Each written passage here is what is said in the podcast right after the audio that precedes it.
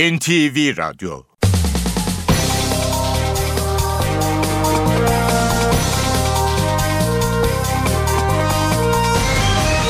İşe Giderken Mutlu sabahlar. Ben Aynur Altunkaş. Bugün 22 Nisan Salı. İşe giderken de Türkiye ve dünya gündemine yakından bakacağız. 7.35'te Ayhan Aktaş spor haberlerini aktaracak. 8.35'te Emrah Kayalıoğlu işe giderken sporda bizimle olacak. Gündemin başlıklarıyla başlayalım. Yüksek Seçim Kurulu AK Parti'nin itirazını kabul etti. Yalova'da yerel seçim sonuçlarını iptal etti. 1 Haziran'da yeniden seçim yapılacak. Ankara'da da CHP'nin Büyükşehir Belediye Başkan adayı Mansur Yavaş seçimin iptali için Anayasa Mahkemesi'ne bireysel başvuru yaptı. AK Parti Grup Başkan Vekili Mustafa Elitaş, Başbakan Erdoğan'ın Cumhurbaşkanı seçilmesi durumunda AK Parti'nin başına vekaleten Mehmet Ali Şahin geçer dedi. Fenerbahçe Başkanı Aziz Yıldırım şike davasında yeniden yargılanma talebinde bulundu. Malatya'da oluşan dondan zarar gören kayısı üreticilerine devlet yardım edecek. NTV Radyo'nun Ekonomi Günlüğü programı ekonomi basınının 2013 yılı Altın Kalem Ödülü'ne layık görüldü. NTV çok değerli bir ismi kaybetti. Karadeniz temsilcimiz Ahmet Kayacık uzun süredir verdiği hayat mücadelesine yenildi. İşe giderken gazetelerin gündemi.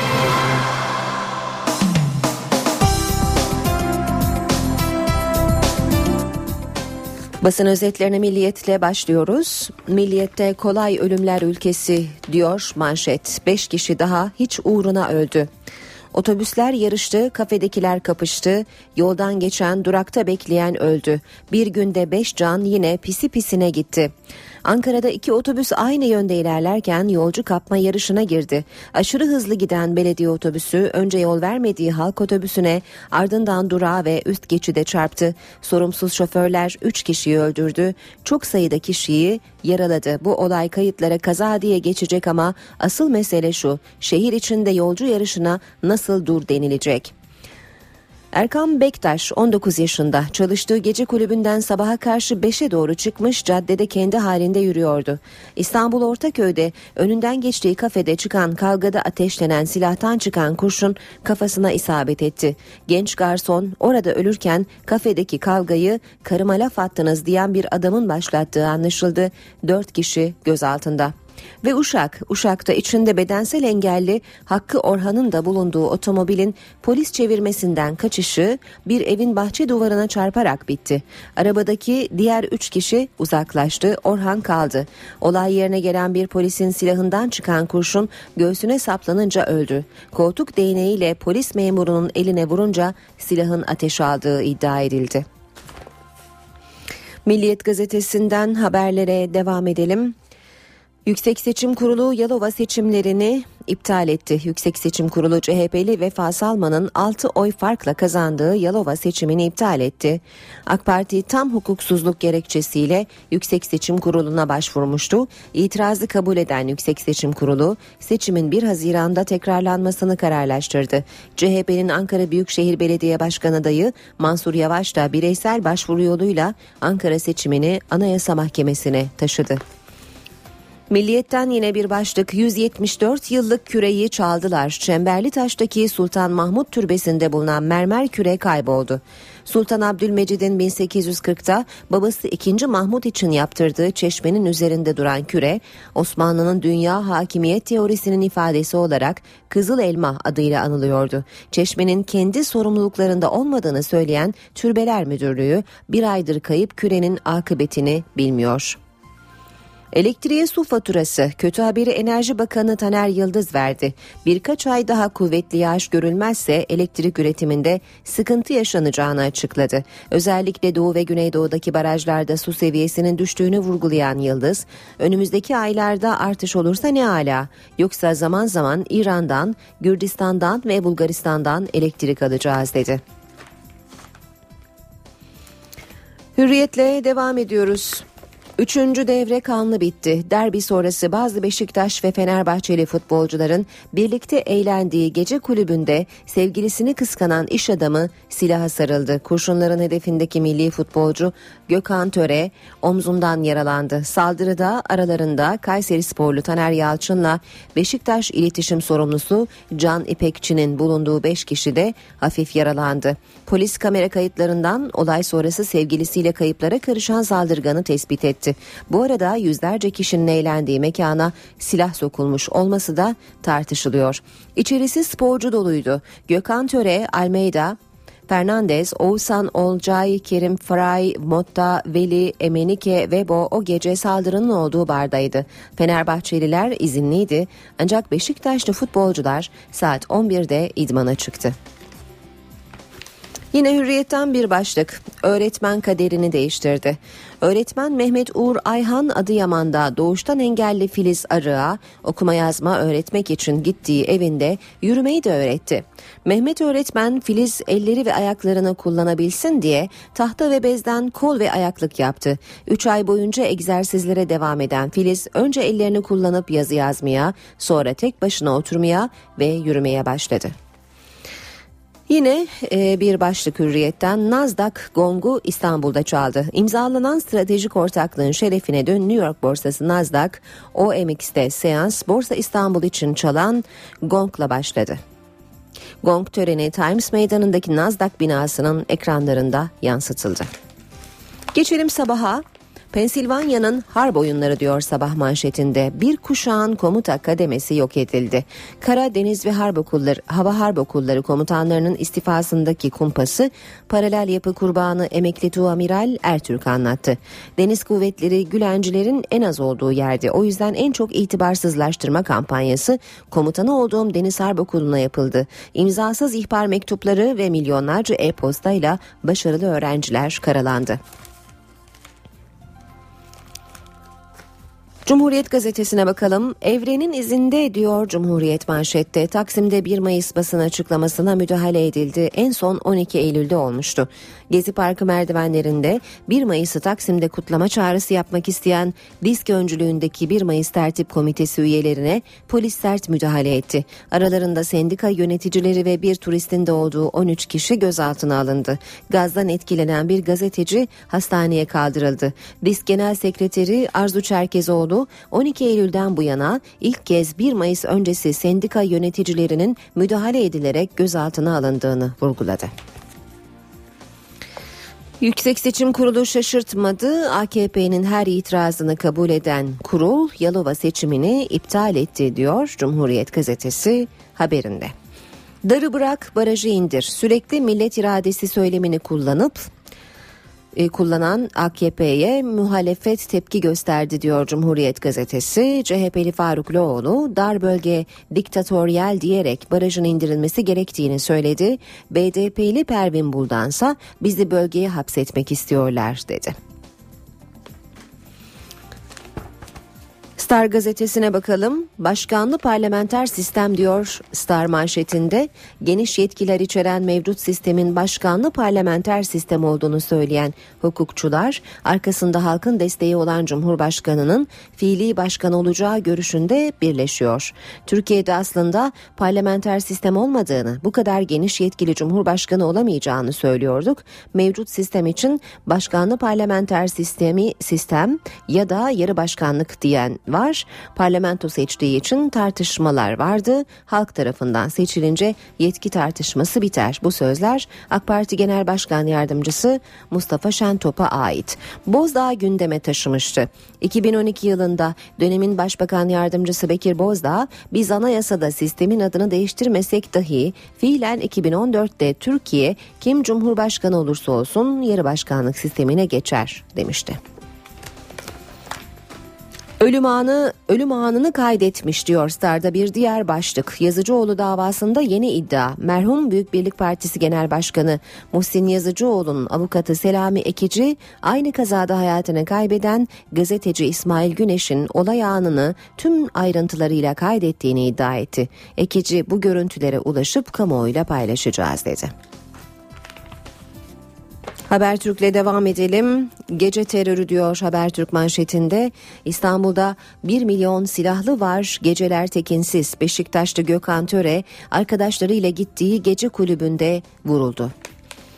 Belboy'da eğlence kurbanı İstanbul'da kör bir kurşun Reyna çalışanı Erkan Bektaş'ın canını aldığı ölüm başka bir eğlence mekanındaki laf atma kavgasından geldi. Ve hayatları otobüsün altında kaldı. Başkent Ankara katliam gibi bir kaza ile sarsıldı. Belediye otobüsü özel halk minibüsüne arkadan çarpıp durağa ve köprüye girdi. Minibüs devrildi. 3 ölü 20 yaralı. Yine Habertürk'ten aktaralım. Başbakanlığa 4 aday isim. AK Partili Mehmet Ali Şahin Erdoğan Köşke seçilirse konut için olası adayları açıkladı. İsim vermeden başbakan yardımcılarından biri seçime kadar başbakanlık yapar dedi.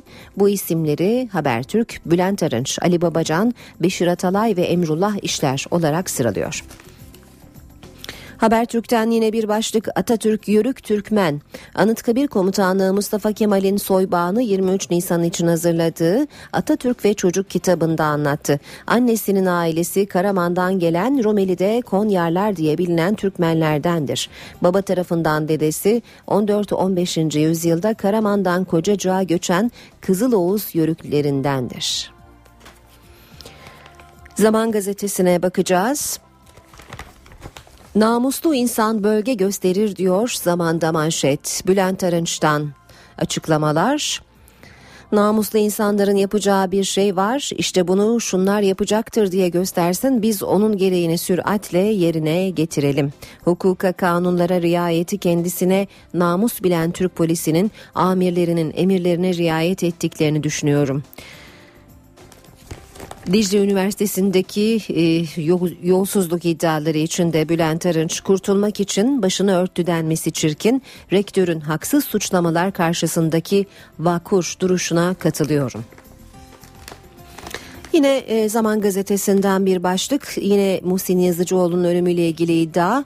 Yazıcıoğlu olayında yeni gelişme ilk dava yaşıyor notu hazırlayan emniyetçiye merhum Muhsin Yazıcıoğlu'nun hayatını kaybettiği şüpheli helikopter kazası ile ilgili ilk dava Kahramanmaraş'ta açıldı. Özel yetkili mahkemelerin kapatılmasının ardından dosyayı devralan yeni savcı Habib Korkmaz, Yazıcıoğlu'nun yaşadığına dair bilgi notu hazırlayan istihbaratçı polis şefi Dursun Özmen hakkında görevi kötüye kullanmak suçlamasıyla iddianame hazırladı. Söz konusu notu dönemin Kayseri valisi Mevlüt Bilici kamuoyuna açıklamıştı.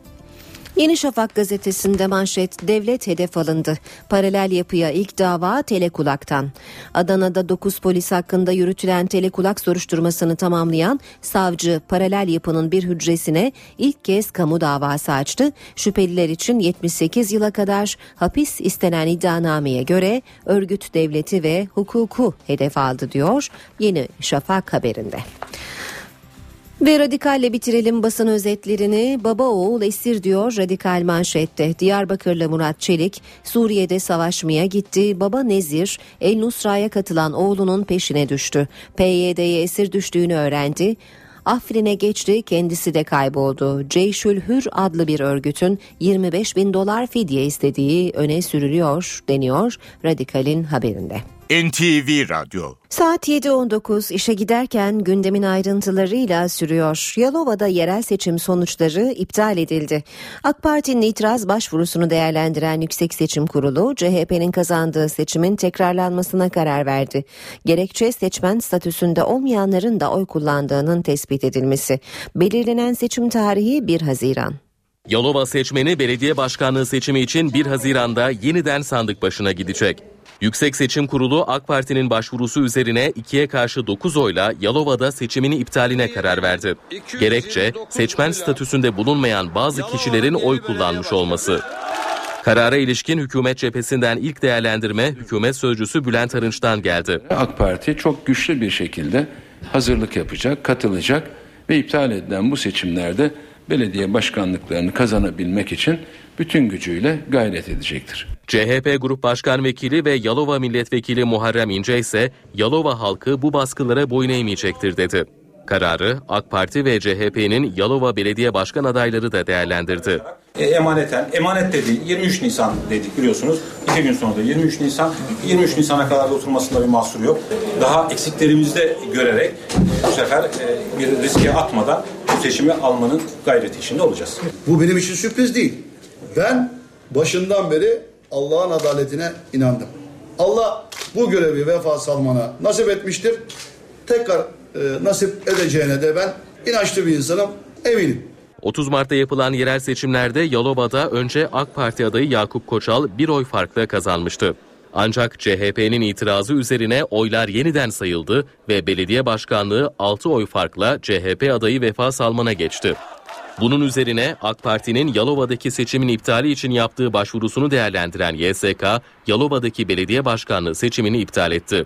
Yeniden seçim kararı il meclisi üyeleri ve ilçe belediye başkanlığı seçimlerini kapsamıyor. Ankara'da seçimin iptalini isteyen CHP Yüksek Seçim Kurulu'ndan red cevabını alınca Anayasa Mahkemesi'nin kapısını çaldı. CHP Ankara Belediye Başkan adayı Mansur Yavaş, Ankara'daki seçimin iptali için Anayasa Mahkemesi'ne bireysel başvuru yaptı. NTV'ye konuşan Mansur Yavaş, iptal için sundukları gerekçelerin yeterince incelenmediğini savundu. Hak ihlali gerekçesiyle bireysel başvuru hakkım var dedi. Cumhurbaşkanı Abdullah Gül'ün siyaset planım yok sözleri tartışılıyor. AK Parti Genel Başkan Yardımcısı Hüseyin Çelik'ten bu konuda değerlendirmeler geldi. Seçim sürecinde kavga ve kaos olmayacağını belirten Çelik, AK Parti'de eş başkanlık sistemi iddiasına da sert sözlerle tepki gösterdi. Sayın Cumhurbaşkanımızın açıklamasından e, ben bu işi bırakıyorum, çekiliyorum, e, o meşhur tabirle artık torun sevmeye gidiyorum falan gibi bir e, ifade almadım. AK Parti Genel Başkan Yardımcısı Hüseyin Çelik, Cumhurbaşkanı Abdullah Gül'ün bu şartlarda siyaset planım yok sözünü bu ifadelerle değerlendirdi. Çelik, NTV'de 45 dakika programında soruları cevapladı. Sayın Gül bir hesap yapmıyorum ama günün birinde bana ihtiyaç olursa yine bu camia, bu dünya bana bir ihtiyaç olduğunu ifade ederse e, ben buradayım gibi bir e, yaklaşım Ama içerisinde. yani kamuoyun Hüseyin Çelik, Başbakan Recep Tayyip Erdoğan'ın Cumhurbaşkanı olması durumunda kendi üslubunu kullanacağına dikkat çekti. Zaman zaman meslektaşları şunu soruyor. Ya peki ya gelip başbakanla gelip bakanlar kurulunda başkanlık yaparsa?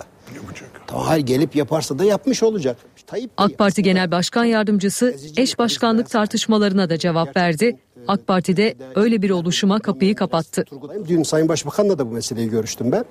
Bizim için bir eş başkanlıkta söyleyip duruyorlar. Bundan daha saçma, bundan daha aptalca bir şey duymadım ben. Ama AK Parti'nin böyle bir şeye ihtiyacı yok. Tayyip Bey gittikten sonra da böyle bir şey olmayacak. Anlıyorum. Hüseyin Çelik, dar bölge seçim sistemi tartışmalarına da değindi ve bu sistemin milletvekilleriyle halkı yakınlaştıracağını söyledi.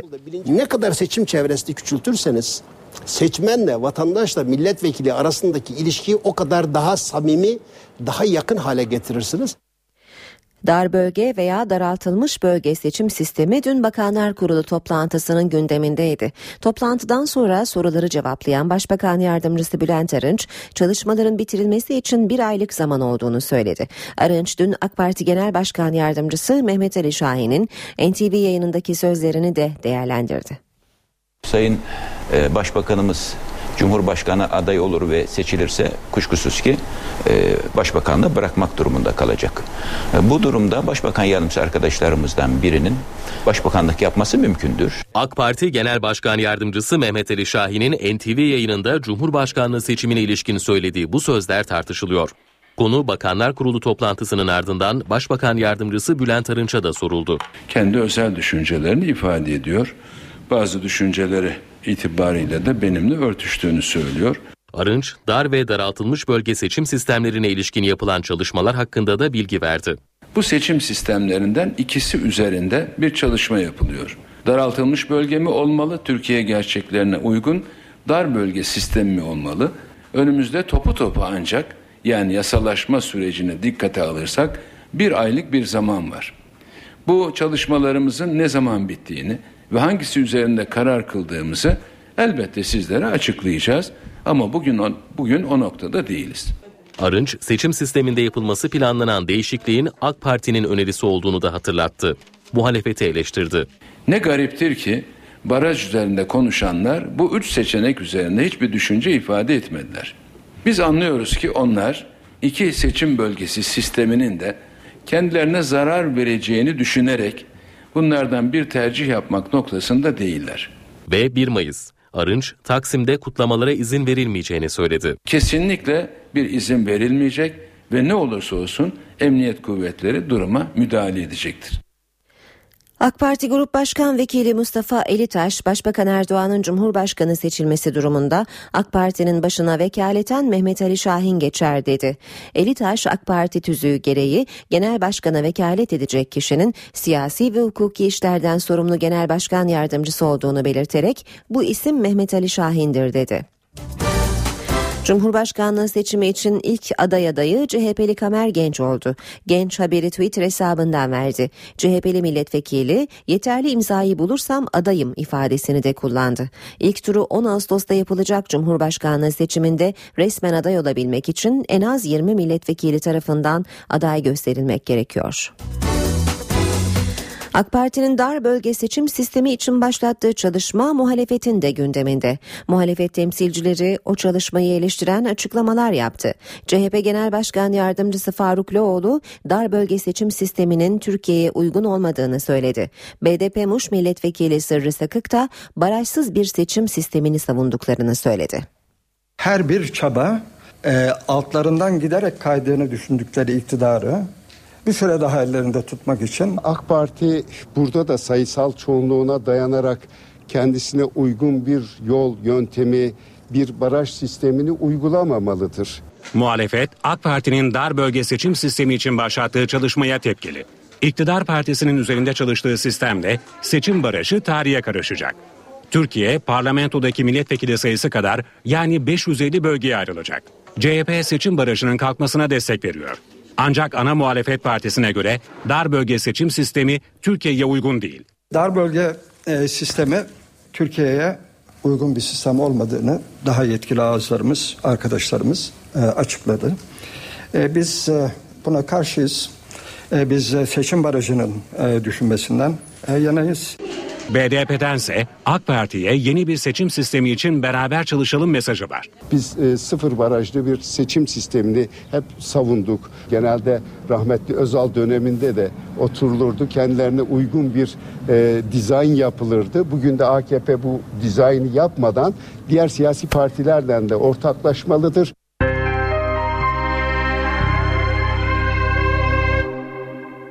Fenerbahçe Başkanı Aziz Yıldırım şike davasında yeniden yargılanma talebinde bulundu. Mahkemeye sunulan dilekçede futbolda şike davasına bakan özel yetkili mahkemenin kapatıldığı hatırlatıldı. Örgüt suçu kapsamında değişiklik yapıldığı gerekçesiyle yeniden yargılanma talebinde bulunuldu.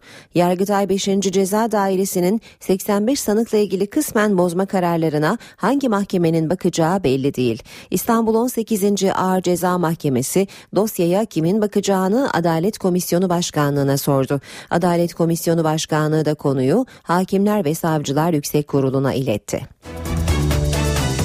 Derbi sonrası eğlence kanlı bitti. Beşiktaş ve Fenerbahçeli futbolcular pazar akşamı derbi maçından sonra eğlenmeye gitti. Ancak gece kulübünde sabaha karşı çıkan silahlı kavgada Beşiktaşlı futbolcu Gökhan Töre yaralandı. Töre'nin bugün taburcu olması bekleniyor. Saldırıyla ilgili açıklamayı Beşiktaşlı yöneticiler Ahmet Kavalcı ve Önder Özen yaptı. Beşiktaşlı futbolcu Gökhan Töre silahla vuruldu, hastaneye kaldırıldı. Gece sabaha karşı dört buçukta gece kulübünde bir olayla karşı karşıya kalıyor. Bu olay bir yaralama oluyor. Bu olayın futbolcumuzla Gökhan Töre ile hiçbir ilgisi yoktur. Tamamen tesadüf olmuştur. Töre silahlı kavganın çıktığı mekandaydı ve kurşunlardan biri de ona isabet etti. Olayla ilgili bir başka iddia ise kıskançlık. Bir kadının erkek arkadaşına milli futbolcunun kendisini rahatsız ettiğini söylediği ve bunun üzerine de saldırganın silahını çektiği iddia edildi. Olay sırasında futbolcu ve basketbolculardan oluşan 20 kişilik bir grup da gece kulübünde eğleniyordu. Saldırganın silahından çıkan kurşunlar 6 kişiye isabet etti. Gökhan Tören'in yanı sıra Beşiktaş Kulübü'nün iletişim sorumlusu Can İpekçi ve menajer Mahir Aslan da yaralandı bir şahsın kendi kız arkadaşını hedef alan e, bir eylemi e, önce kendi kız arkadaşını vurması daha sonra havaya ateş açması tamamen şanssızlık. Diğer yaralıların tamamının sıyrık olduğunu söyleyebilirim. Yani emniyet kayıtlarında bu şekilde. Sadece bizim oyuncumuzda e, bir kurşunun isabet etmesi söz konusu seken kurşunun. Ama e, şükürler olsun e, durumu son derece iyi. Silahlı saldırı sırasında gece kulübünde Beşiktaşlı oyuncular Fernandez, Motta, Dani, Kerim Fry, Veli, Fenerbahçeli, Vebo ve Emenike'nin de bulunduğu belirtildi. Yüksek Seçim Kurulu AK Parti'nin itirazını kabul etti, Yalova'da yerel seçim sonuçlarını iptal etti. 1 Haziran'da yeniden seçim yapılacak. Ankara'da da CHP'nin Büyükşehir Belediye Başkan adayı Mansur Yavaş seçimin iptali için Anayasa Mahkemesi'ne bireysel başvuru yaptı. AK Parti Grup Başkan Vekili Mustafa Elitaş, Başbakan Erdoğan'ın Cumhurbaşkanı seçilmesi durumunda AK Parti'nin başına vekaleten Mehmet Ali Şahin geçer dedi. Fenerbahçe Başkanı Aziz Yıldırım şike davasında yeniden yargılanma talebinde bulundu. Malatya'da oluşan dondan zarar gören kayısı üreticilerine devlet yardım edecek. NTV Radyo'nun Ekonomi Günlüğü programı ekonomi basınının 2013 yılı Altın Kalem Ödülü'ne layık görüldü. NTV çok değerli bir ismi kaybetti. Karadeniz temsilcimiz Ahmet Kayacık uzun süredir verdiği hayat mücadelesine yenildi. Spor haberleri başlıyor.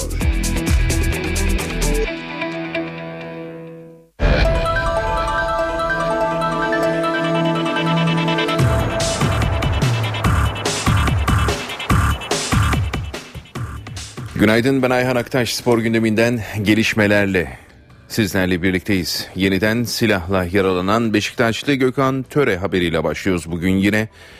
Töre ameliyat oldu. Milli oyuncuya hastanede Türkiye Futbol Direktörü Fatih Terim takım arkadaşları ve birçok dostu geçmiş olsun ziyaretinde bulundu. Fenerbahçe derbisinin ardından eğlenmeye giden ve yaşanan silahlı kavgada seken kurşunla sağ omzundan yaralanan Gökhan Töre ameliyat oldu. Milli oyuncuya hastanede Türkiye Futbol Direktörü Fatih Terim, Teknik Direktör Slaven Bilic, takım arkadaşları, Galatasaray yönetici Emir Sarıgül, Teknik Direktör Abdullah Avcı ve dostları ziyaret etti. Hastane çıkışında Beşiktaş Teknik Direktörü Slaven Bilic ile Kaptan Tolga Zengin açıklamalarda bulundu. Gökhan gayet iyi. Ee, sağlığı da iyi Allah'a şükür. Verim sadakası varmış yani. Ee, Can abinin de iyi, diğer kardeşimizin de iyiymiş durumu. Yani herkesin iyi durumu. Sabah gelen haberle şok olduk. Gerek Gökhan, gerek Can bizim ailemizin çok önemli parçaları. Çok şükür ki iyi durumdalar. Onların iyileşmesi için dua edeceğiz. Umarım bir an evvel aramıza katılacaklar. Beşiktaş'ta derbi sonrası 6 futbolcunun sabahın ilk saatlerine kadar süren eğlencesinin Gökhan Tören'in yaralanmasıyla sona ermesi akıllara teknik direktör Slaven Bilic'in açıklamalarını getirdi. Hırvat çalıştırıcı Fenerbahçe maçı sonrası oyuncularından yaşantılarına dikkat etmelerini istemişti. Bilic'in uyarıları da oyuncuları durduramadı. Beşiktaş'ta Fenerbahçe derbisinin ardından takım arkadaşlarıyla gittiği gece kulübünde silahla yaralanan Gökhan Tören'in sağlık durumunun iyi olması sevindirici bir haber oldu. Ancak bir gün sonra antrenman olmasına rağmen Gökhan'la birlikte derbinin hemen ardından gece kulübünde geç saatlere kadar eğlenen oyuncular yönetim ve teknik kadronun moralini bozdu. Üstelik oyuncuların teknik direktör Slaven Bilic'in uyarılarına rağmen geç saatlere kadar gece kulübünde kalmaları durumu daha da düşündürücü bir hale getirdi. Hırvat teknik adam Fenerbahçe derbisinin ardından soyunma odasında futbolcularını önce gösterdikleri mücadeleden dolayı tebrik etmiş ve son 4 hafta özel yaşantılarına dikkat etmeleri konusunda uyarılarda bulunmuştu. Ligi ikinci bitirip Şampiyonlar Ligi'ne kalınması halinde oyuncularının daha rahat ve daha uzun süre tatil yapacaklarını dile getiren Bilic, soyunma odasında yaptığı konuşmayı basın toplantısında da paylaşmıştı. Ligi ikinci bitirmek için elimizden geleni yapacağız. Maçtan sonra buraya gelmeden biraz önce oyunculara soyunma odasında şunu söyledim. Önümüzde sadece dört maç var. Lütfen bu dört maça göre yaşayın. Bu dört maça göre dinlenin, bu dört maça göre çalışın dedim. Ve bunun için bana söz verdiler. Bir için bu sözlerine rağmen Gökhan Töre, Fernandez, Almeida, Motta, Veli ve Dani gece geç saatlere kadar gece kulübünde kaldı ve talihsiz olay yaşandı. Bilic ve yönetiminin disiplinsiz hareket ettikleri gerekçesiyle bu oyunculara ceza vereceği de gelen haberler arasında. Fenerbahçe Kulübü Başkanı Aziz Yıldırım'ın avukatları örgüt suçu kapsamında kanuni değişiklik olduğu gerekçesiyle Yıldırım'ın yeniden yargılanması talebinde bulundu. Öte yandan Aziz Yıldırım taraftar temsilcileriyle bir araya geldi. Yargıtay Cumhuriyet Başsavcılığı'nın futbolda şike davasına yapılan itirazı reddetmesinin ardından dosya 18 Nisan'da İstanbul 18. Ağır Ceza Mahkemesi'ne ulaştı. Dosyanın gelmesiyle birlikte Aziz Yıldırım'ın avukatları müvekkillerinin yeniden yargılanması talebini içeren dilekçeyi mahkemeye sundu. Dilekçede futbolda şike davasına bakan özel yetkili mahkemenin kapatıldığı hatırlatıldı.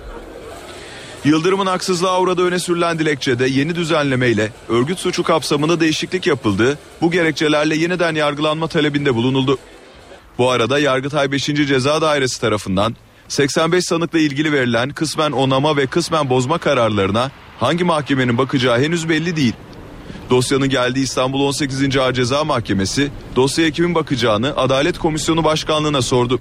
Adalet Komisyonu Başkanlığı'nın da davaya kimin bakacağı konusunu Hakimler ve Savcılar Yüksek Kurulu'na ilettiği bildirildi. Öte yandan Fenerbahçe Başkanı Aziz Yıldırım, As Başkanlardan Ömer Temelli, Deniz Tolga Aytöre ve Yönetim Kurulu üyesi Yalçın Aker, taraftar grubu temsilcileriyle bir araya geldi.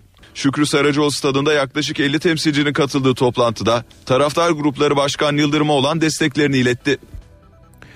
Ve geçiyoruz Süper Lig'e. Süper Lig 30. hafta maçları dün oynanan iki karşılaşmayla tamamlandı. Bu karşılaşmalar arasında Karabük'te oynanan maçta ise ilginç bir olay yaşandı. Karşılaşmanın ilk yarısında trafo yandı, ikinci yarıda elektrik kesildi. Karabük Spor'la Eskişehir Spor arasındaki maç 127 dakikada tamamlandı. Maçın 6. dakikasında Doktor Necmettin Şeyhoğlu stadının güney kale arkası tarafında bulunan aydınlatma direğinin altında bulunan elektrik trafosu alev aldı. İtfaiye ekipleri yangın anında müdahale ederken oyun yaklaşık 12 dakika durdu. Bu tatsızlık atlatıldıktan sonra karşılaşmanın 66. dakikasında bu kez Necati Ateş gol pozisyonundayken elektrikler tamamen gitti. Arızanın giderilmesi için yapılan çalışmalar sonunda oyun 10 dakika daha sekteye uğradı. Toplamda 24 dakika duraklayan maç 15 dakikalık devre arasıyla birlikte toplamda 127 dakikada tamamlanabildi. 0-0'lık sonucun ardından Karabük Spor puanını 43 yaptı ve 7. basamakta kalarak Avrupa Kupaları yolunda yer aldı. Eskişehir Spor ise 40 puana yükseldi ve 11. sıradaki yerini değiştiremedi. Ve Spor Toto Süper Lig'in 30. hafta maçları az önce de belirttiğimiz üzere dün oynanan iki karşılaşmayla tamamlandı. Alınan sonuçları ve puan durumunu aktaralım şimdi. Süper Lig'in 30. haftasında oynanan maçlarda şu sonuçlar alındı. Kayseri Erciyes Spor 0, Trabzonspor 5. Gaziantep Spor 0, Gençler Birliği 1. Akisar Belediyespor 2, Kayseri Spor 2. Galatasaray 0, Kasımpaşa 4. Bursa Spor 1, Elazığ Spor 0. Çaykur Rizespor 3, Torku Konya Spor 1. Beşiktaş 1, Fenerbahçe 1. Medikal Park Antalya Spor 1, Sivas Spor 2. Karabük Spor 0, Eskişehir Spor 0. Bu sonuçların ardından puan durumu şöyle oluştu. Bitime 4 hafta kala lider Fenerbahçe en yakın rakibi Beşiktaş'la arasındaki 12 puanlık farkı korudu. Fenerbahçe'nin artı 16'lık bir averaj üstünlüğü de bulunuyor. İkinci sıradaki Beşiktaş'ın 55 puanı var. Üçüncü sıradaki Galatasaray 53 puanda. Dördüncü Trabzonspor ve beşinci Sivasspor'un puanları 46. 44 puanlı Kasımpaşa 6. sırada. 7. sıradaki Karabükspor'un 43 puanı var. 41 puanlı 3 takımdan Gençler Birliği 8. Akisar Belediyespor 9. ve Bursa Spor 10. sırada. Eskişehir Spor'un 40 puanı bulunuyor. Çaykur Rizespor ve Gaziantep Spor 36 şar puanda. 14. Torku Konya Spor 34 puana sahip. 15. Elazığ Spor'un 31 puanı bulunuyor. Düşme hattında bulunan Kayseri Erciyes Spor 30 puan topladı. Son iki sırada bulunan takımlardan Medikal Park Antalya Spor'un 28, son sıradaki Kayseri Spor'un ise 26 puanı var. Fenerbahçe'de gözler artık Çaykur Rizespor maçında ancak Sarı Lacivertler şampiyonluğu garantilemek amacıyla çıkacakları karşılaşmada özel bir kutlama yapmayı planlamıyor. Süper Lig'de Beşiktaş beraberliğinin ardından son 4 haftaya 12 puanlık farkla giren Fenerbahçe, Çaykur Rizespor maçına odaklandı. Beşiktaş derbisinin ardından takıma iki günlük izin veren teknik direktör Ersun Yanal, futbolcularına Kadıköy'de oynanacak Çaykur Rizespor maçını kazanarak şampiyonluğu resmi olarak garantileyeceklerine inandıklarını söyledi. Oyuncularından dinlenmelerini isteyen Yanal, yarın başlayacak antrenmanlarla birlikte maça hazır olmaları talimatını verdi. Öte yandan Fenerbahçe şampiyonluğu garantilese bile Çaykur Rizespor maçında saha içinde özel bir şampiyonluk kutlaması planlamıyor. Ligde düşen ve kalan takımların henüz belirlenmediğinin hesabını yapan yönetim, karşılaşmanın kazanılması halinde rakibin durumu nedeniyle saha içinde özel bir tören yapmayı düşünmüyor. Fenerbahçe cezası nedeniyle kadın ve çocuk seyircilere oynanacak Çaykur Rizespor maçı hazırlıklarına yarın akşam yapacağı antrenmanla başlayacak. Bu haberimizle spor bültenimizi tamamlıyoruz. İyi günler diliyoruz. NTV Radyo Yeni saati karşılıyoruz. Herkese yeniden günaydın. Ben Aynur Altunkaş.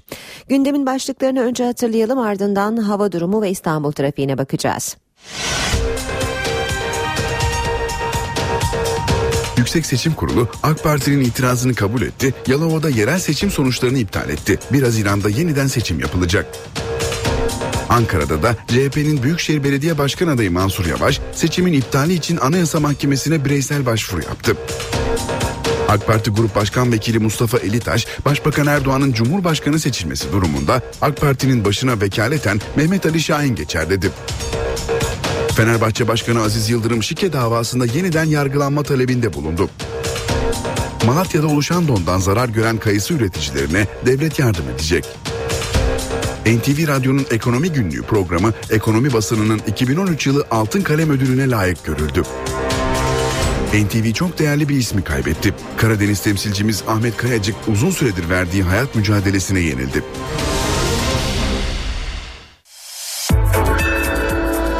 Türkiye'de bu hafta bazı günler yağmurlu olsa da sıcaklıklar artıyor. Bugün yağış en doğudaki kentlerde görülüyor. Batıda ise Libya'dan esen sıcak rüzgarın etkisiyle hafta ortası sıcaklık 30 dereceyi bulacak.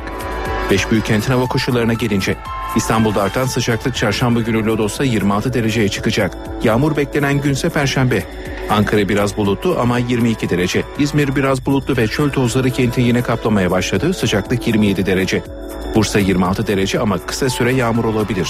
Adana'da da sıcaklık 26 derece. Marmara'da perşembeye kadar önemli bir yağmur yok. Sıcak esen lodosun etkisiyle çarşamba günü sıcaklık Balıkesir Sakarya boyunca 30 dereceyi bulacak. Perşembe günü ise sağanak şeklinde nisan yağmuru var. İç Anadolu'da sadece Eskişehir çevrelerinde akşamüstü yağmur olabilir. 20'lerde olan sıcaklık çarşamba ve perşembe 25 dereceye görecek. Perşembe yağmurun etkisini arttıracağı gün. Ege'de bu hafta Lodos'ta sıcak ve oldukça bunaltıcı geçecek. Denizli 29, Muğla 26, Bodrum 28 derece ancak çöl tozlarının da etkisiyle hava çok açık olmayacak, puslu görünecek. Akdeniz'de hava sıcak ve biraz bulutlu olacak. Rüzgar dağlardan kuru esiyor. Antalya 25 derece. Güneydoğu haftayı yağışsız geçirecek. 25 derecelerde olan sıcaklık Perşembe 30'ları bulacak. Doğu Anadolu'da salı ve perşembe günleri Erzurum Van arasında yine sağanaklar var. Çarşamba ise yağış ara veriyor. Erzurum 15, Malatya 21 derece. Karadeniz'de Karabük, Kastamonu ve Rize çevrelerinde yağmur var ama kısa süreli. Bolu 23, Trabzon 17 derece. Çarşamba bölgede havanın ılık ve açık olacağı gün. Perşembe günü ise kuvvetli yağmurlar bekleniyor. NTV Radyo Gündemdeki gelişmeleri bakmaya devam edelim. Yalova'da yerel seçim 1 Haziran'da yeniden yapılacak. Yüksek Seçim Kurulu AK Parti'nin itirazını haklı buldu ve CHP'nin kazandığı seçimlerin yenilenmesine karar verdi. Yalova'daki seçimi önce bir oy farkla kazanan AK Parti oyların yeniden sayılması üzerine 6 oy farkla kaybetmiş ve seçimin iptali için Yüksek Seçim Kurulu'na başvurmuştu. AK Parti başvurusuna gerekçe olarak oy kullanmaması gereken 63 kişinin oy kullanmasını gösterdi. AK Parti'nin itirazını haklı bulan Yüksek Seçim Kurulu seçimin iptaline karar verdi. Karar iki redde karşı 9 kabul oyuyla alındı. Ankara'da seçimin iptalini isteyen CHP Yüksek Seçim Kurulu'ndan red cevabını alınca Anayasa Mahkemesi'nin kapısını çaldı. CHP Ankara Belediye Başkan adayı Mansur Yavaş Ankara'daki seçimin iptali için Anayasa Mahkemesi'ne bireysel başvuru yaptı. NTV'ye konuşan Mansur Yavaş iptal için sundukları gerekçelerin yeterince incelenmediğini savundu. Hak ihlali gerekçesiyle bireysel başvuru hakkım var dedi. AK Parti Genel Başkan Yardımcısı Mehmet Ali Şahin, Başbakan Cumhurbaşkanı adayı olursa onun görevini yardımcılarından birinin yürütmesinden yana olduğunu söyledi. Şahin'e göre bu konu Cumhurbaşkanlığı seçimi kadar önemli. Arkadaşlarımla konuşacağım ve bunu birlikte karar vereceğiz diyor. Şu an için gelecekle ilgili bir siyasi planım yok derken bunlarla birlikte gerçek niyetini ve mesajını e, anlamak ve yorumlamak gerekir diye düşünüyorum. Cumhurbaşkanı Abdullah Gül'ün Kütahya'da yaptığı bu şartlarda siyaset planım yok açıklamasını AK Parti Genel Başkan Yardımcısı Mehmet Ali Şahin böyle değerlendirdi. Bu açıklamayı beklemediğini söyledi. E, Doğrusu beklemiyordum tabii ama e, e, oradan e, bir olumsuz sonuçta çıkarmıyorum. AK Parti camiası olarak e, böyle bir görev düştüğü teklifi getirildiğinde bunu reddedeceği kanaatinde değilim. Şahin AK Parti'nin Cumhurbaşkanı adayının henüz netleşmediğini söyledi. Başbakan aday olursa hükümetin başına bir başbakan yardımcısı geçmeli dedi. Sayın e, Başbakanımız Cumhurbaşkanı aday olur ve seçilirse kuşkusuz ki e, başbakanlığı bırakmak durumunda kalacak. E, bu durumda başbakan yardımcısı arkadaşlarımızdan birinin başbakanlık yapması mümkündür. Ve seçim sistemi tartışmaları. Şahin gündemlerinde seçim barajı olmayan tek turlu dar bölge sisteminin olduğunu söyledi. Hiç barajın olmadığı bir sistem öneriyoruz şu anda biz güçlü bir şekilde. O da dar bölge sistemidir. Türkiye'nin 550 bölgeye ayrılarak her bölgenin e, bir e, milletvekili seçerek parlamentonun oluşması e, formülüdür bu. AK Parti Grup Başkan Vekili Mustafa ise Başbakan Erdoğan'ın Cumhurbaşkanı seçilmesi durumunda AK Parti'nin başına vekaleten Mehmet Ali Şahin geçer dedi. Elitaş AK Parti tüzüğü gereği genel başkana vekalet edecek kişinin siyasi ve hukuki işlerden sorumlu genel başkan yardımcısı olduğunu belirterek bu isim Mehmet Ali Şahin'dir dedi.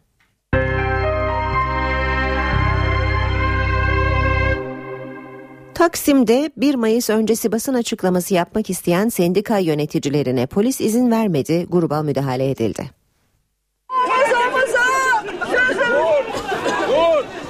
Polis, disk ve KESK temsilcilerinin Taksim'deki basın açıklamasına gazla müdahale etti.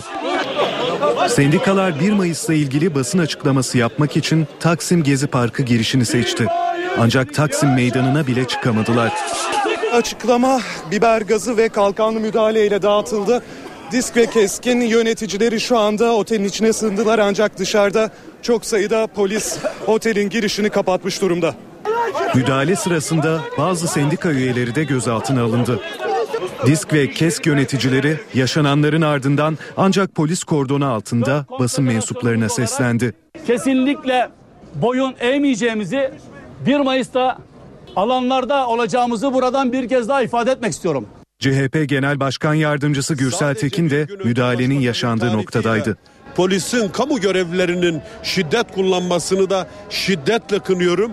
Ama 1 Mayıs günü işçilerin, emekçilerin yalnız olmadığını Cumhuriyet Halk Partisi olarak bütün örgütlerimizde burada olacağımızı da ifade etmek istiyorum. Ankara'da otobüsler yarıştı, yolcular öldü. Dün Ankara-İstanbul yolu Şaşmaz kavşağında iki otobüsün karıştığı kazada üç kişi hayatını kaybetti. Görgü tanıklarına göre kazanın nedeni otobüs şoförlerinin yolcu kapma mücadelesi.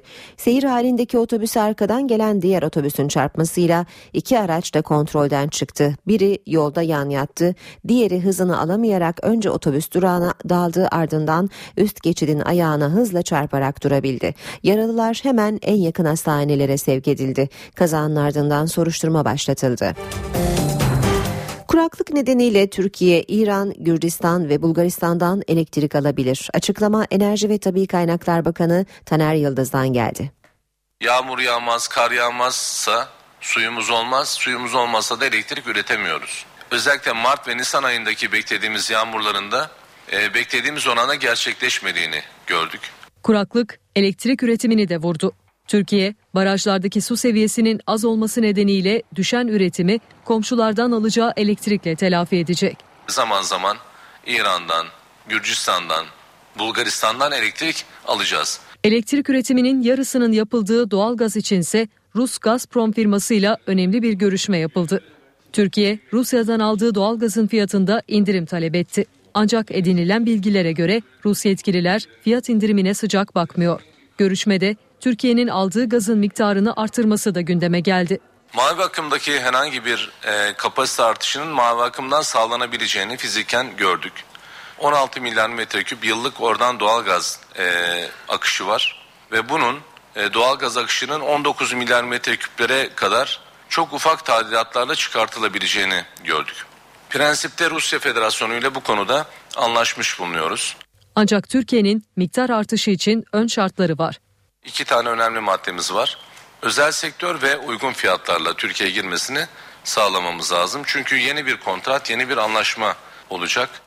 Malatya'da oluşan dondan zarar gören kayısı üreticilerine devlet yardım eli uzatacak. Açıklamayı Bakanlar Kurulu toplantısının ardından Başbakan Yardımcısı Bülent Arınç yaptı. Arınç üreticilerin zararlarının telafi edilmesi için bir Bakanlar Kurulu kararı çıkartılacağını söyledi.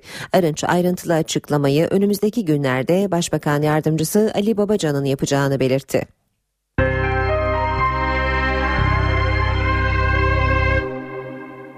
Dünya gündemine bakalım şimdi de iç savaşın sürdüğü Suriye'de 3 Haziran'da seçimler var. Suriyeliler yeni devlet başkanını seçecek. Beşar Esad'ın üçüncü kez devlet başkanı koltuğuna oturmak için aday olmasına kesin gözüyle bakılıyor.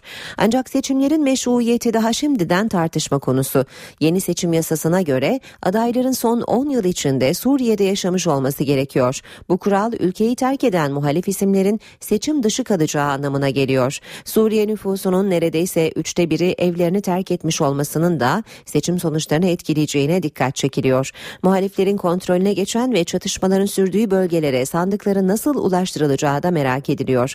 Beşar Esad'ın üçüncü kez devlet başkanlığı koltuğuna oturmak için aday olması ve 3 Haziran'daki seçimin ardından iktidarını koruması bekleniyor. Ukrayna'nın doğusunda gerçekleşen son saldırı Kiev ile Moskova arasındaki siyasi tansiyonu yükseltti.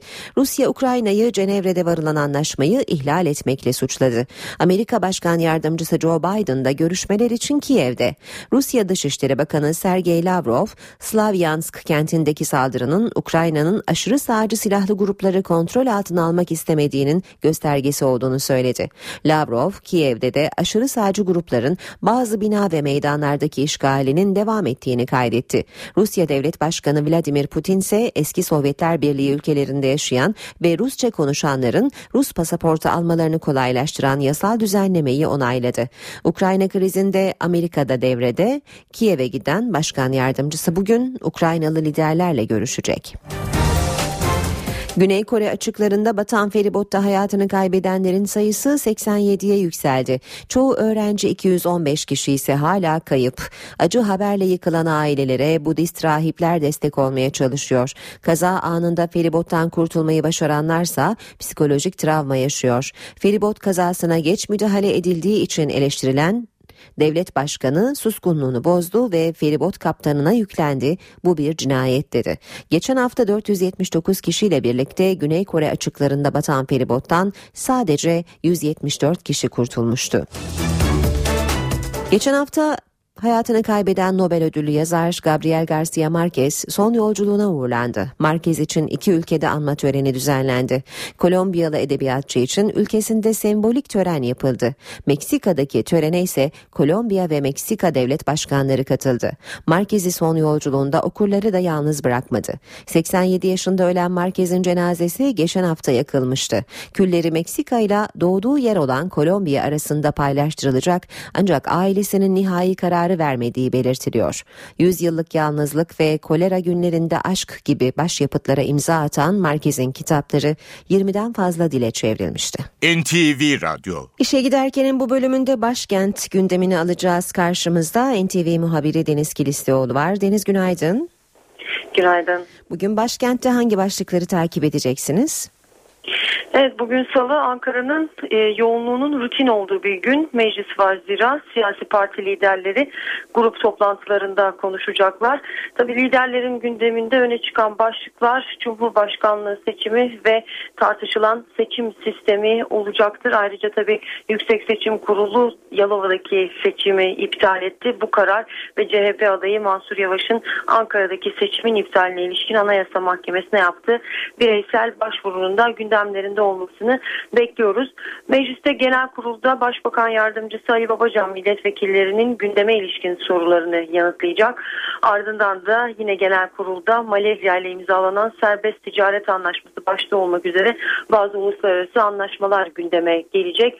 Meclis gündemine ilişkin son notta Kadın Erkek Fırsat Eşitliği Komisyonu'nda Ekonomi Bakanı Nihat Zeybekçi kadın istihdamına yönelik bir sunum yapacak. Başkentin bugün bir de yabancı konuğu var. Yeni Zelanda Genel Valisi e, Ankara'da bugün. Cumhurbaşkanı Abdullah Gül'ün konuğu. Cumhurbaşkanı yine konuğunu resmi törenle karşılayacak. Geçen hafta hatırlayacaksınız adlı tören kıtası Cumhurbaşkanı'na eşlik etmişti. Letonya Valisi, e, Letonya Cumhurbaşkanı'nın e, geldiği zaman yine ikinci e, uygulama olacak bugün. Atlı tören kıtası Yeni Zelanda valisinin gelişine de eşlik etmiş olacak. Tabi Cumhurbaşkanı ve konunun e, kameraların karşısına geçmesi ve bir ortak basın toplantısı yapmasını bekliyoruz. Orada Abdullah Gül'e bir soru imkanı olursa kuşkusuz o soruların başında Cumhurbaşkanlığı seçimine ilişkin yaptığı açıklama olacaktır. Sonrasında birçok tartışma başlamıştı.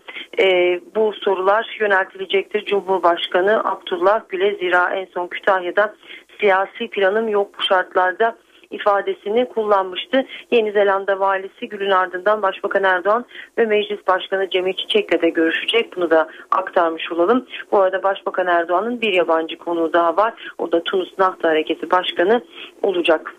Deniz teşekkürler. Deniz Kilislioğlu başkent gündemini aktardı. Şimdi ekonomi başlığına geçelim. Profesör Doktor Güngör Uras'ı dinleyeceğiz. Güngör Uras Ayşe teyzeye Türkiye'de tasarruf eğilimlerinden bahsedecek. Ayşe teyze ne yapsın?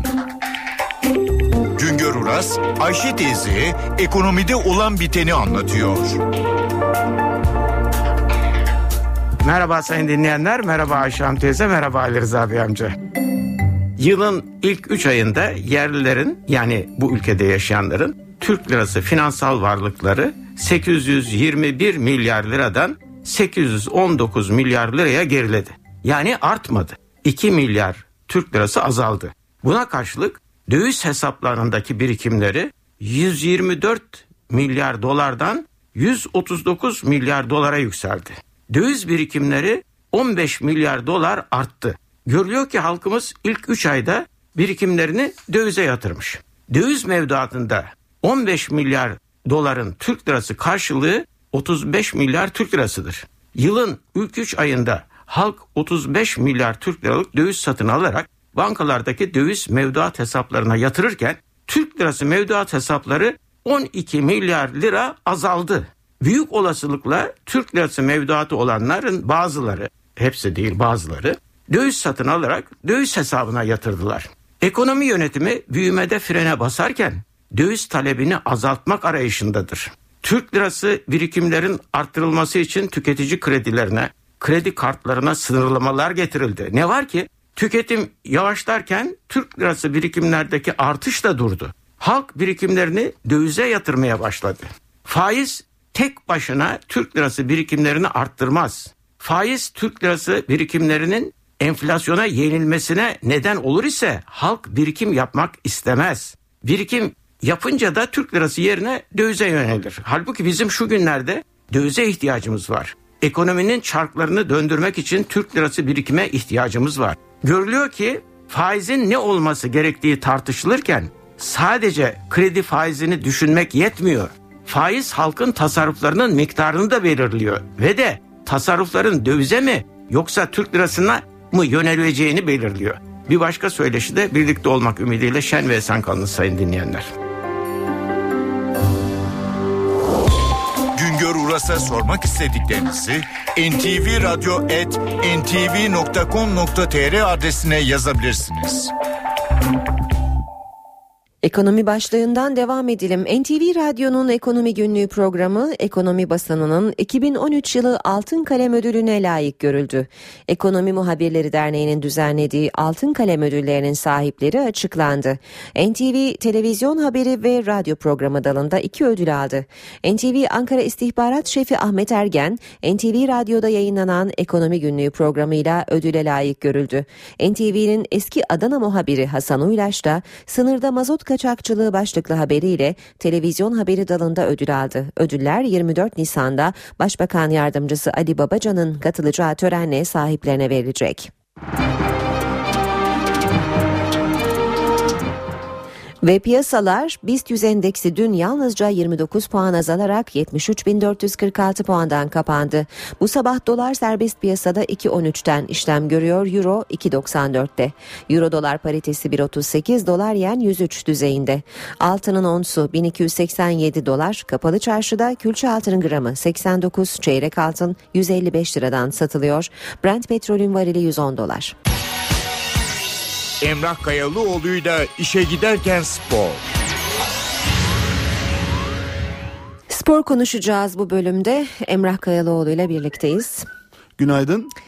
E, tabii e, sporun gündeminde Gökhan e, Töre var. Derbiden sonra aralarında Fenerbahçeli futbolcuların da olduğu bir grup eğlenmeye gidiyorlar ve orada bir kavga çıkıyor ve o kavga sırasında bir kurşun Gökhan Töre'yi omuzundan vuruyor. Hedef Gökhan olmamasına rağmen böyle Hedef aslında orada Gökhan da biraz çelişki Yani de var ama O grup mu en azından öyle bir sorgulama yapmakta yarar var. Çünkü kocaman bir mekandan bahsediyoruz.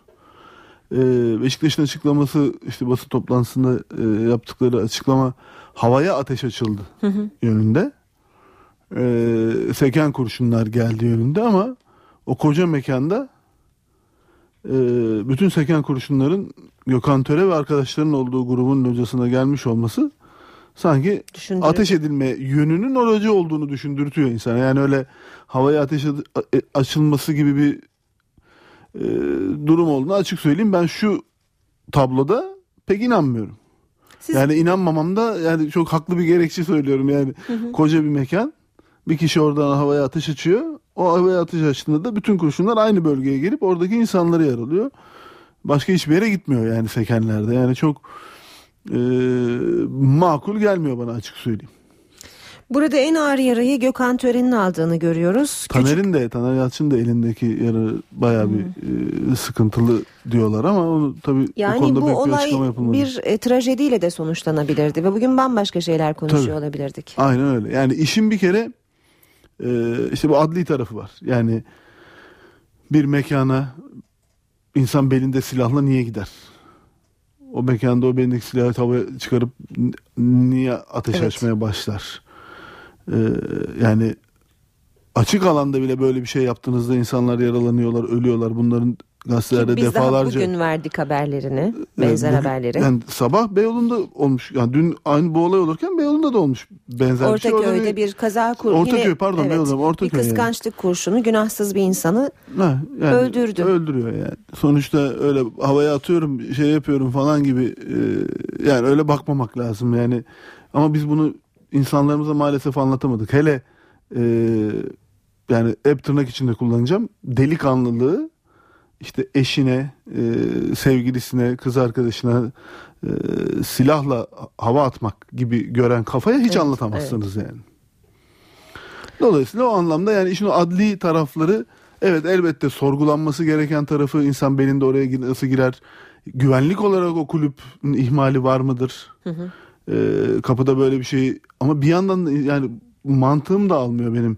İnsan yani gece kulübünün kapısına hakikaten ko- koymak zorunda mıyız metal dedektörü?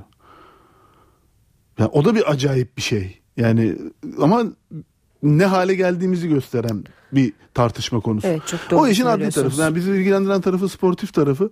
Ve sportif tarafında da bence söyleyecek çok şey var.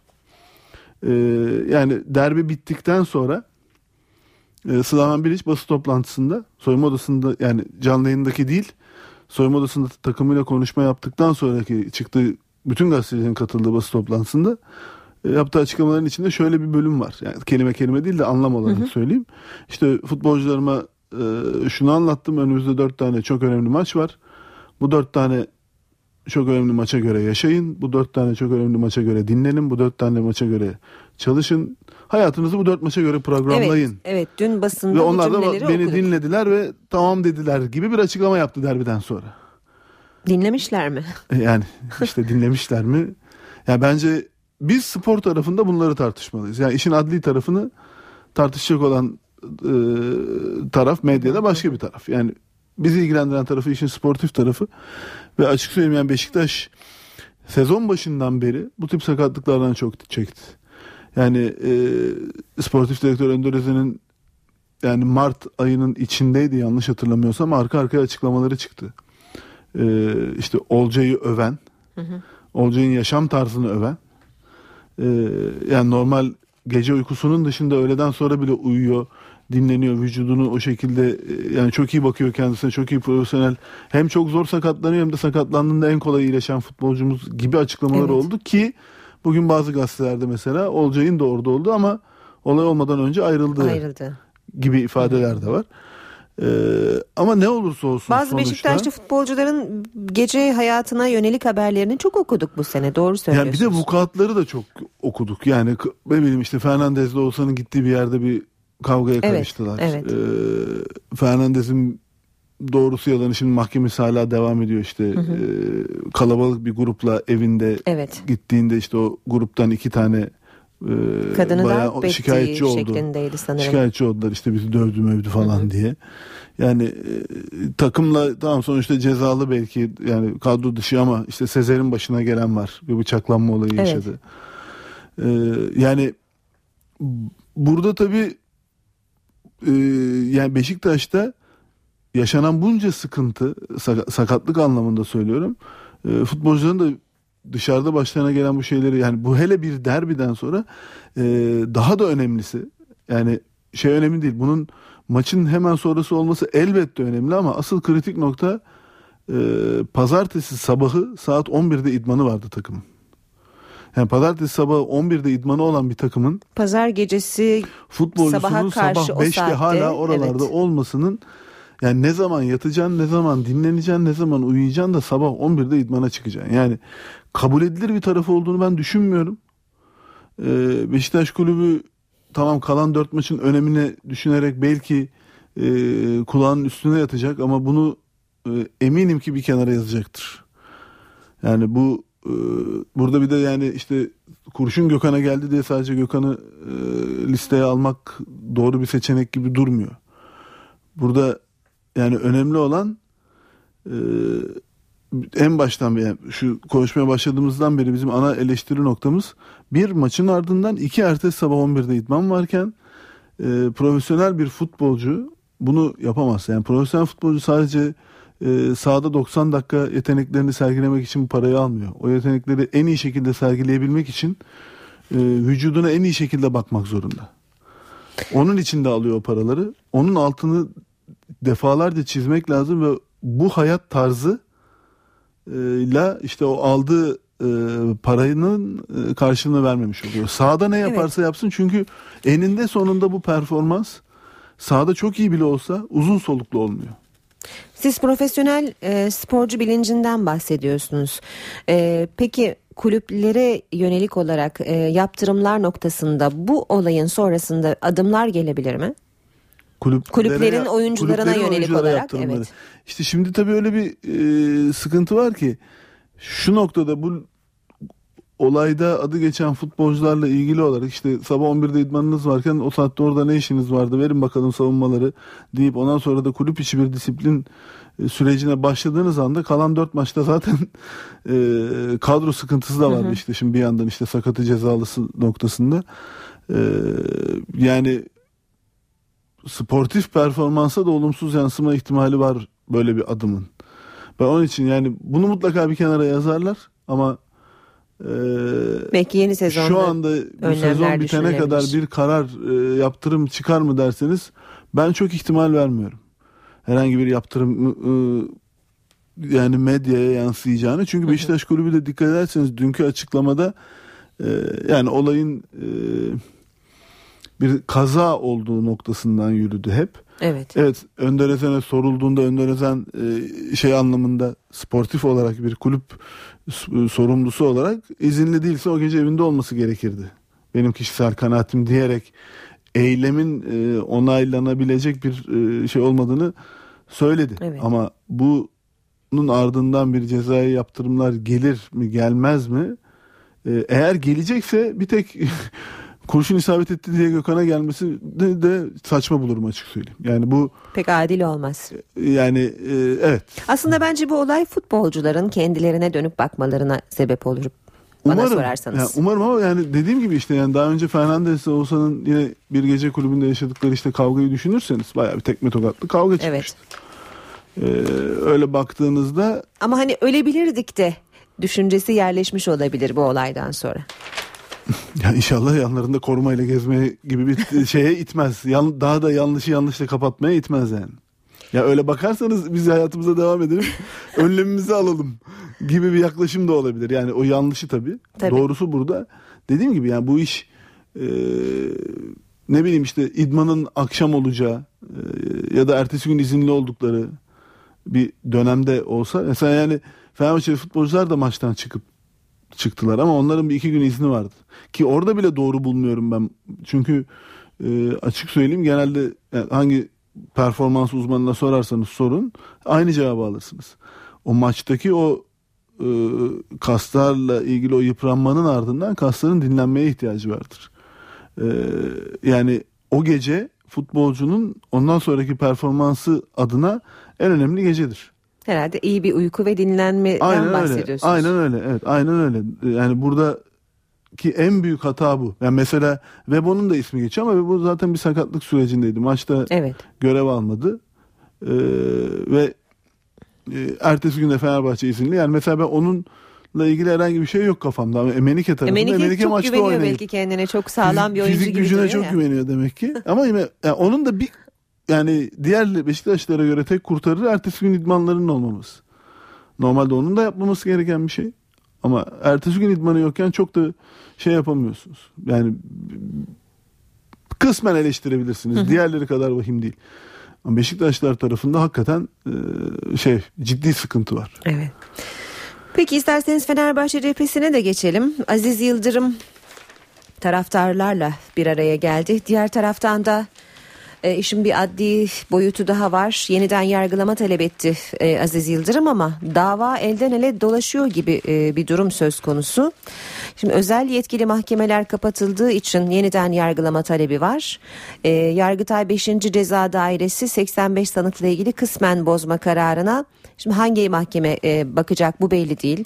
18. Ağır Ceza Mahkemesi Adalet Komisyonu Başkanlığı'na sormuş. Adalet Komisyonu Başkanlığı Hakimler ve Savcılar Yüksek Kurulu'na konuyu iletmiş. Ne E, olacak diyeceksiniz. Ne olacak? Ben Biliyor musunuz ne olacak? Valla e, bu tip dava haberleri sizin önünüzden daha çok geçiyor. Biz bir tek bu 3 Temmuz sürecini biliyoruz. ben size sorayım ne olacak? Nasıl Valla oluyor bu? e, doğrusu Yani isterseniz dava- bilmiyorum. bu dava ile ilgili yani şu anda hakikaten yani şeyi anlayamıyorum ben mesela. Şimdi bu 18. e, ağır cezanın pardon 16. ağır cezanın verdiği karar e, Yargıtay'da onandıktan sonra 18 onun yerine bakan artık özel yetkili mahkemeler kaldırdıktan sonra onun yerine bakan olarak açıklanıyor Evet. 18. ağır ceza. Oraya gidiyor. evet. Ee, yani madem onun yerine bakıyor o mahkeme niye böyle bir e, havada bunca soru kalıyor? Yani hukukçuların bence anlatması gerek bunu. Evet. Ben orayı anlamıyorum yani açık söyleyeyim. Yani bugün bütün gazetelerdeki bu konuyla ilgili haberleri okudum. 18. ağır ceza madem 16. ağır cezanın yerini almış. O zaman niye bu davayı tamamlamıyor? Ve kim ben bakacak anlamıyorum. diye soruyor Ha, üstelik. o Adalet Komisyonu'na soruyor. Adalet Komisyonu da girmiyor topa. Hani futbol şeyiyle anlatalım. Hı hı. Ee, onlar da girmiyor topa. Taça doğru bırakıyorlar. HSYK var orada işte taç çizgisi kenarında. Şimdi onlar düşünecekler bakalım. Onlar da Anayasa Mahkemesi'ne sorar mı acaba ne yapacağız diye. E, sorabilir. Yani bu oraya doğru gidiyor yani. Ee, şimdi şöyle bir de bir şey var. İnfaz için bir 15 günlük süre olduğu da söyleniyor bir taraftan. Aziz Yıldırım'ın e, Anayasa Mahkemesi'ne yaptığı bireysel başvuru var. Bir ceza ertelemesi kararı çıkmayabilir bir ama de dün üstüne bir de yeniden yargılama başvurusu evet, geldi. evet. Yani As- Anayasa Mahkemesi'ne bir e, bireysel başvuru hakkı Oradan dışında, karar henüz çıkmadan evet e, yeniden yargılama bir de bir talebi yeniden geldi. yargılama talebini de verdi Aziz Yıldırım ve avukatları. Ee, ve İlhan Ekşioğlu avukatları ikisi birden. Ee, yani ve onların da mesela muhatabı acaba 18. ağır ceza mı yoksa onu da mı sor onu da soruyorlar herhalde. Biz bu dilekçeleri ne yapacağız diye. Hı hı. Yani Büyük e, ihtimal. 16. ağır cezanın yerini aldıysa niye bu davaya bakmıyor? Yerini almadıysa niye 18. ağır cezaya gidiyor bu iş? Ee, Yani infaz tarafı. Ya bunun adı konmuyor mu? O mahkeme kaldırıldığı sırada onun e, sonuçlanmış davalarına şurası bakacaktır, kararı verecektir diye. Yani bütün bunlar böyle bir hukuk bir ilgili yani konusu. bütün vatandaşların şu anda kafalarında oluşan soru işaretlerini e, azaltmayı bırakın iyice büyütüyor. Kocaman ko- kocaman hale getiriyor. Yani e, bu işin adli tarafında olan tarafı bir de aynı davanın diyelim 3 Temmuz davasının işte e, UEFA tarafında olan bir taraf şeyi de var. E, onunla ilgili de Aziz Yıldırım dün taraftar gruplarıyla bir aradaydı. Bir araya gelmiş. E, yani orada yaptığı açıklamalar var. İstiyorsanız siz bir Hala şey. Şampiyonlar Ligi umudu taşı, taşıdığı anlaşılıyor. Ee, UEFA iki sene ceza kesti ama biz 3 yıl çekmiş olacağız. Bu nedenle Avrupa'ya gitme umudumuz var demiş. Benzer bir açıklama da Mahmut Uslu'dan gelmişti. O ihtimal hala masada hayal değil deniyor. Yani yine kafa karışık. Bu şans, bu ihtimal var mı yok mu? Şimdi bir kere Kas'ın gerekçeli kararını hala yazmamış olması o bir işin e, garip bir boyutu. Yani e, Eylül'de çıktı yanlış hatırlamıyorsam. Eylül, Ekim, Kasım, Aralık, Ocak, Şubat, Mart, Nisan 8 Bir ay. gibi. seneye yaklaşıyor. Yani 8 ay gibi bir süreç geride kalmış. Ee, yani niye yazılmadı hala? Ee, bu noktada demek ki kafalarda bir sıkıntı var. Yani e, o anlamda yani Fenerbahçe'nin yaklaşımı bu kararın üzerinden yürüyerek bir şeyler e, oluşabilir. Ceza ile ilgili bir şeyler değiştirebiliriz yaklaşımına yani öyle baktığınızda evet doğru Evet, bu söylemler diye düşünüyorsunuz. Ama bu noktada UEFA'nın e, en temel dayanağı Fenerbahçe'nin Avrupa kupalarına gitmediği o ilk sene yani 2011-2012 sezonu o karar bize ait değil diyor. O kararı Türkiye Futbol Federasyonu'nun şey o Türkiye Futbol Federasyonu Fenerbahçe'yi göndermedi diyor. Bizi bağlamaz. O süreçte de bu konuşulmuştu çünkü. Yani bu e, Fenerbahçe'nin UEFA'nın tahkimine yaptığı e, karardan sonra çıkan cezadan sonra tahkime yaptığı başvurunun içinde de vardı bu. Evet. Sonra kasa yapılan başvurunun içinde de vardı. Ee, şimdi dolayısıyla aynı gerekçeyle İsviçre Federal Mahkemesi'nden bir sonuç çıkarılabilir mi? Ee, yani bu kas kararı geciktikçe bir insanların kafasında acaba çıkar mı diye bir düşünce gelmiyor değil. Ee, ama bu işin e, bu kadar aleni telaffuz edilmesinin şöyle bir sıkıntısı var. Eğer böyle bir karar çıkmazsa e, bu söylemler e, önce Mahmut Uslu tarafından yapılan şimdi Aziz Yıldırım tarafından yapılan bu söylemler e, SPK ile sıkıntı yaratabilir. Yani bir Spekülatif dışarı- söylemler e, aynen için. aynen o anlamda Evet. söylüyorum. Yani onun için böyle bir şey yapılacaksa bile biraz daha e, aşağıdan deniz suyu öyle götürmeniz lazım bu iş. Çok vitrine çıkarmadan götürmek lazım. Çünkü olmadığı anda bu defa e, yani, yani bir tane hisse sahibi yani bu dönemde hisse alıp yükseleceğini düşünerek madem şampiyon ligine gidiyor yükselecektir diye alıp ondan sonra da öyle bir karar çıktığında da bu beklentisi gerçekleşmemiş. değil mi? Ben zarar uğratıldım Evet, evet. gibi bir söylemle e, ki normal şartlarda bireysel böyle bir şeyin dışında SPK'nın bile kendi kendine bu noktada bir Soruşturma başlatma durumu ihtimali var. Çünkü e, şey sıkıntılı bir ifade bunlar. Yani benim kendi açımdan ben öyle bakıyorum yani. Peki şimdi süremiz bitti. E, hafta sonu Pasolik uygulaması başladı. E, kaç kişinin Pasolik aldığı konusunda ilginç haberler var. İsterseniz bunu on buçuğa mı bırakalım? Onu 10 30 haber özetlerinden sonra konuşuruz. Peki yeniden görüşeceğiz 10.35'te. Şimdilik hoşçakalın. Hoşçakalın. NTV Radyo